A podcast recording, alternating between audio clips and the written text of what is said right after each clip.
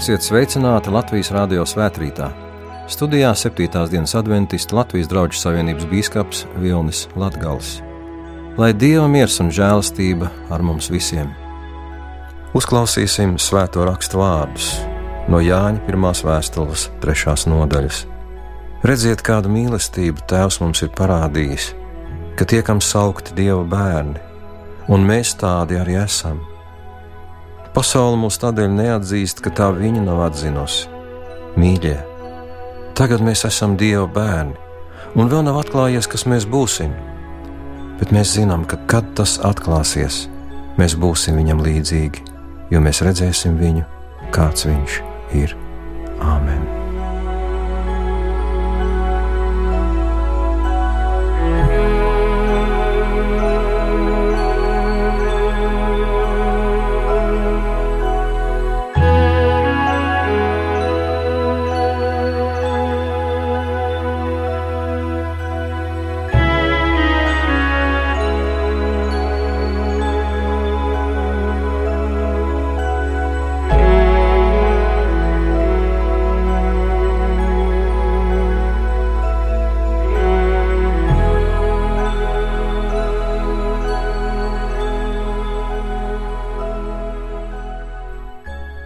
Lūkas evanģēlīja 18. nodaļā un 8. pantā mēs varam lasīt Kristus vārdus. Bet vai cilvēka dēls, kad tas nāks, atradīs ticību virs zemes? Pārsteidzošs paziņojums.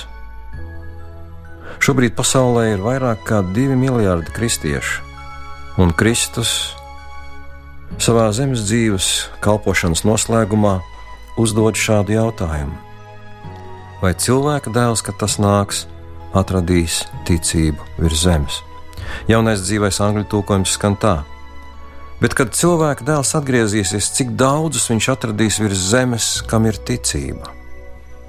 Ko Bībele saka par laiku pirms Kristus atnākšanas? Viens no vēstījumiem ir atrodams otrā vēstulē Timotejam, trešajā nodaļā.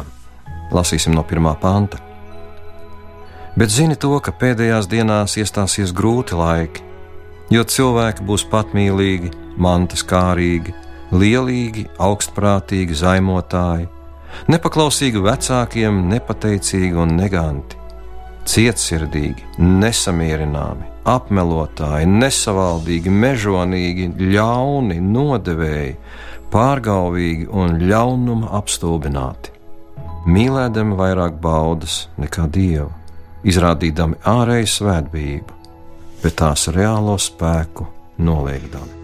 Kāds cits tulkojums saka, tērpušies dievbijības izskatā. Ticība būs vien kā ārēja forma. Kad mēs lasām šo Bībeles fragment, var rasties iespējas, ka tas ir stāsts par cilvēkiem, kur nepazīst Kristu, kur nav ticīgi, kur nav lasījuši Bībeli. Bet šeit, 4. un 5. pāns, runā tieši par kristiešiem, kuri savu ticību ir padarījuši par ārēju ietērpu, par nedzīvu formu. Mēs varētu teikt par it kā no senčiem mantotu tradīciju, kurai būtībā nav nekādas praktiskas vērtības. Reiz internetā man uzmanību piesaistīja kāds virsraksts: Labākie gleznu viltojumi par saprātīgām cenām. Man tas šķita diezgan dīvains vārdu savirknējums un es sāku lasīt šo rakstu. Tas bija stāsts par kādu itāļu kungu, kurš saņēmis mantojumā lielu gleznu kolekciju, kuru tuvāk iepazīstot, izrādījās, ka tās visas bija viltojumi. Un šis kungs bija arī pirms dažiem gadiem ieradies Rīgā ar savu mūsdienu kolekciju, kuru viņam palīdz radīt ap 30 mākslinieku, un piedāvājums skan ļoti vienkārši. Daudz miljonu vietā jūs varat iegādāties mākslas darbus tikai par dažiem tūkstošiem eiro. Cilvēks tas nepārsteidz, jo mūsdienās viss tiek viltots. Nauda, dokumenti, apģērbi, apavi, pulksteņi, somas, smaržas, telefoni, gleznas un tā tālāk. Pirms kāda laika es sastapu pārsteidzošu citātu. Tomēr vissvarīgākā lieta šajā pasaulē ir godīgums. Ja jums to veikli izdodas noviltot, tad viss ir kārtībā.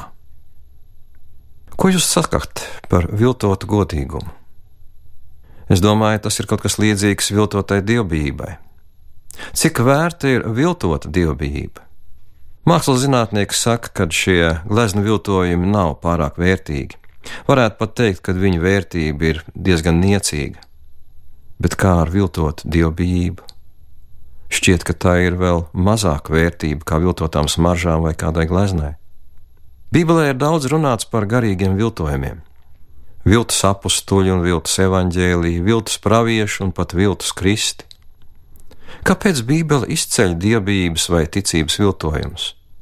Acīm redzot, tāpēc, ka tas ir svarīgi, tāpēc, ka tas ir bīstami. Apstults Pāvils 2. vēstulē korintiešiem 11. nodaļā raksta: Bet es baidos, ka čūska, kas ar savu viltību piekrāpa ievu, tāpat nesamaitā arī jūsu domas un nenovērš no vienkāršības un skaidrības, kas ir Kristu. Citiem vārdiem sakot, viltus dievbijība vai ticība nav glābjoša, tā ir pazudinoša, tā ir traģiska. Apstuļu darba grāmatā ir kāds visai mulsinošs stāsts. Mēs varam atrast to piektajā nodaļā, lasīsim no pirmā panta jaunajā latviešu bībeles tulkojumā. Bet kāds vīrs vārdā Hananija un viņa sieva Safīra bija pārdevuši savu mantu. Ar sievas ziņu Hananija piesavinājās daļu no pārdotā vērtības sev, bet pārējo atnesa un nolika pie apstuļu kājām. Tad Pēters sacīja: Hananija, kādēļ Sātans ir piepildījis savu sirdi, ka tu meloji svētajam garam un piesavinājies daļu no zemes gabala vērtības. Vai gan tas nebija tavs pirms tu to pārdevi, un kad tu to pārdevi, vai nauda nepalika tavā ziņā? Kā gan tu ieņēmi sirdī tādu nelietību? Tu neesi melojis cilvēkiem, bet dievam. Šos vārdus dzirdējis, Hanāņa nokrita un izlaida garu.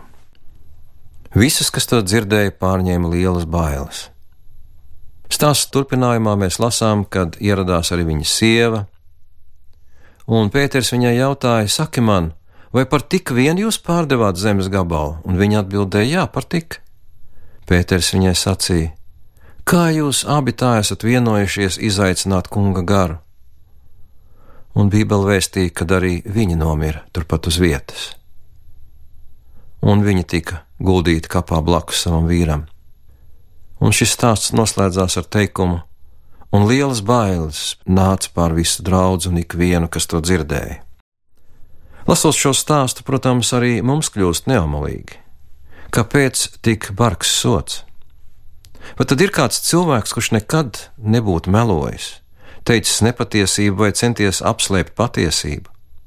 Kad es domāju par sevi, jāsaka, patiešām es esmu daudz melojis, daudz teicis nepatiesību, bet es joprojām esmu vēl dzīvs. Viltotai ticībai ne tikai nav vērtības, bet tā ir bīstama. Varētu pat teikt, nāvējoši bīstama. Lai mēs labāk varētu saprast, mums ir jāizlasa fragments pirms šīs piektās nodaļas, ceturtās nodaļas izskaņas, panti no 32. sākot apakstuļu darba grāmatā. Šai sadaļā ir virsraksts Pirmā kristiešu kopiena. Ticīgo pulks bija viena sirds un dvēsele un neviens neko no savas mantas nesauc par savu. Viss viņiem bija kopīgs. Un apstuļi ar lielu spēku liecināja par Jēzus Kristus augšām celšanos, un liela žēlastība bija pār viņiem visiem.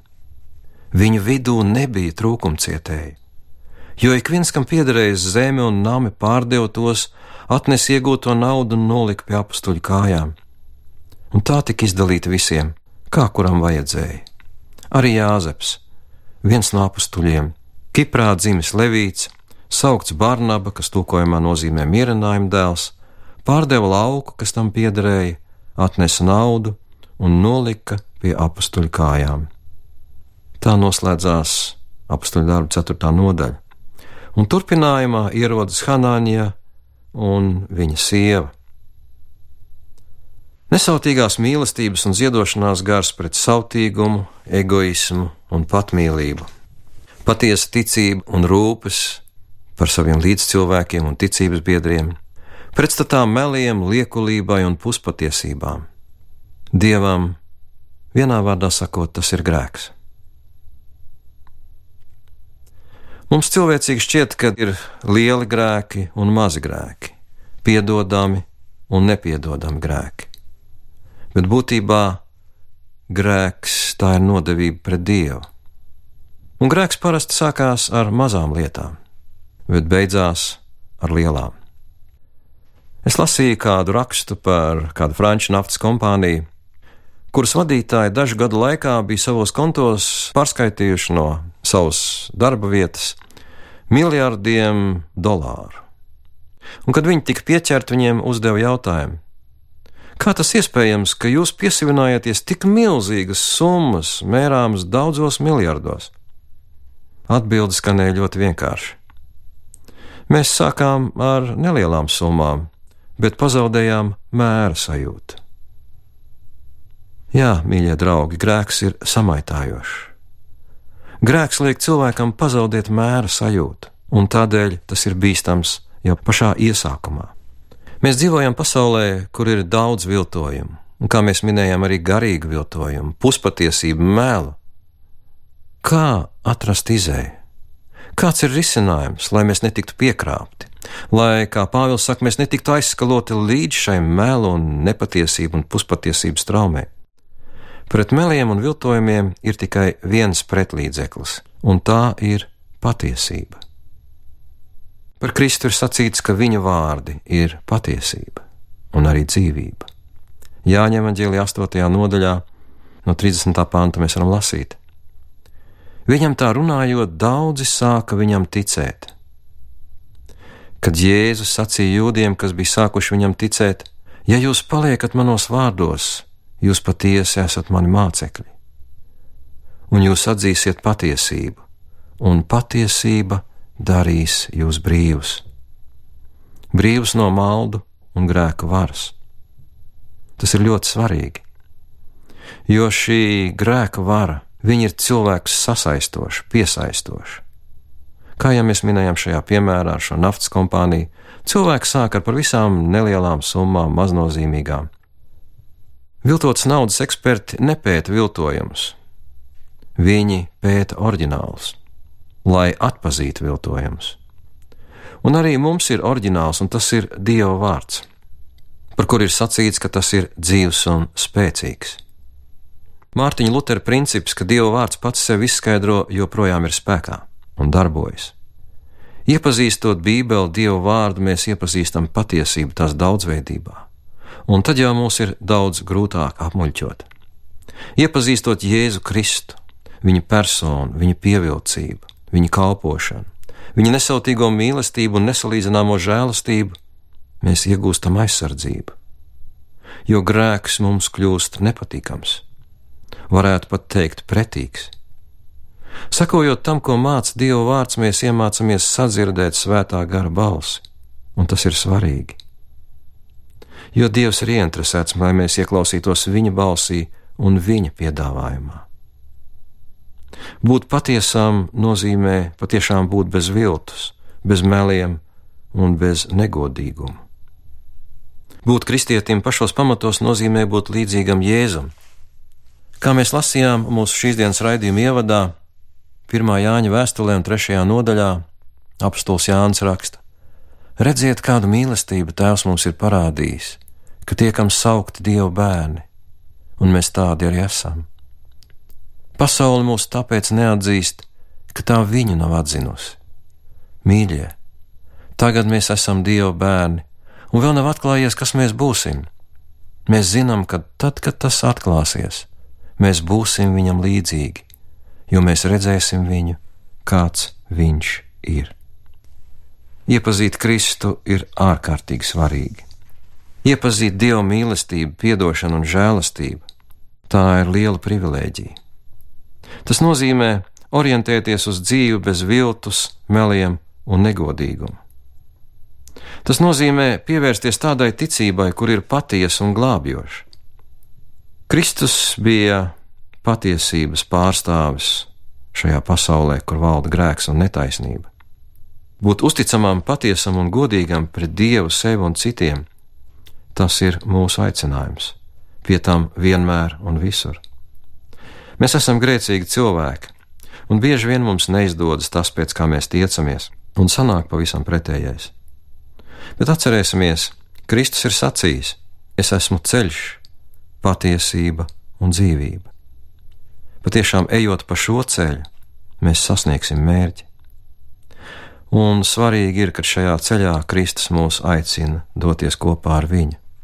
Viņš saka, mācieties no manis, jo es esmu lēnprātīgs un no sirds pazemīgs.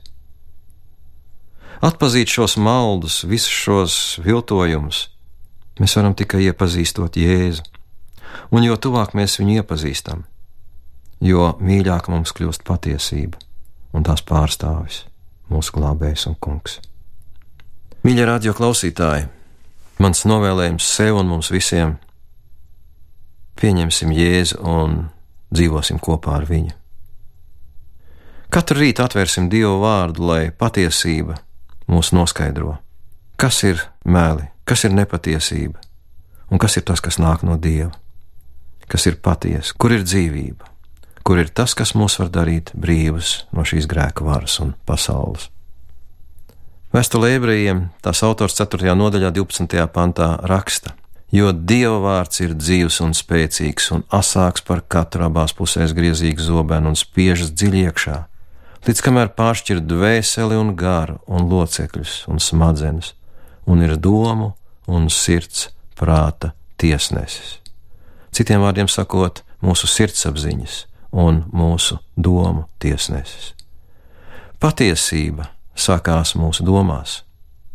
Pieņemot Dieva vārdu patiesību un sekojot tai, mēs kļūstam par Kristus mācekļiem, un tas mūs pasargās no visiem maldiem, viltojumiem, puspatiesībām un no pazušanas, lai tad, kad mūsu kungs nāks visā savā varenajā godībā, mēs varētu viņu sastapt un redzēt, ka viņš mūs ir darījis līdzīgus sev. To es novēlu mums visiem, lai Dievs mūs svētī un pasargā. Āmen!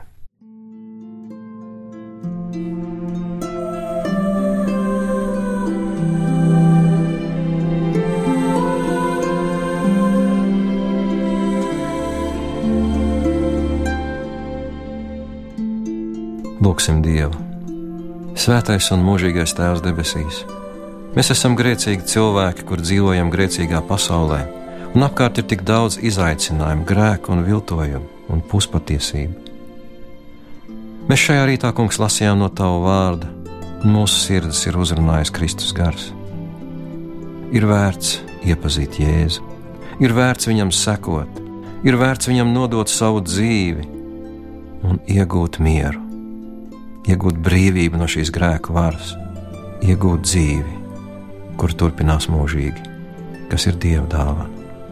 Mēs pateicamies, Kungs, Tev par to un lūdzam svētī mūs, lai sekojot Jēzum Kristum, mēs kļūtu brīvi no šīs maldu varas, un lai mēs būtu tie cilvēki savā valstī, savā pilsētā, savā mājā, savā darba vietā, visur, lai mēs būtu tie cilvēki, caur kuriem Kristus var atklāt sevi. Viņa vārdā mēs to lūdzam un pateicamies. Āmen!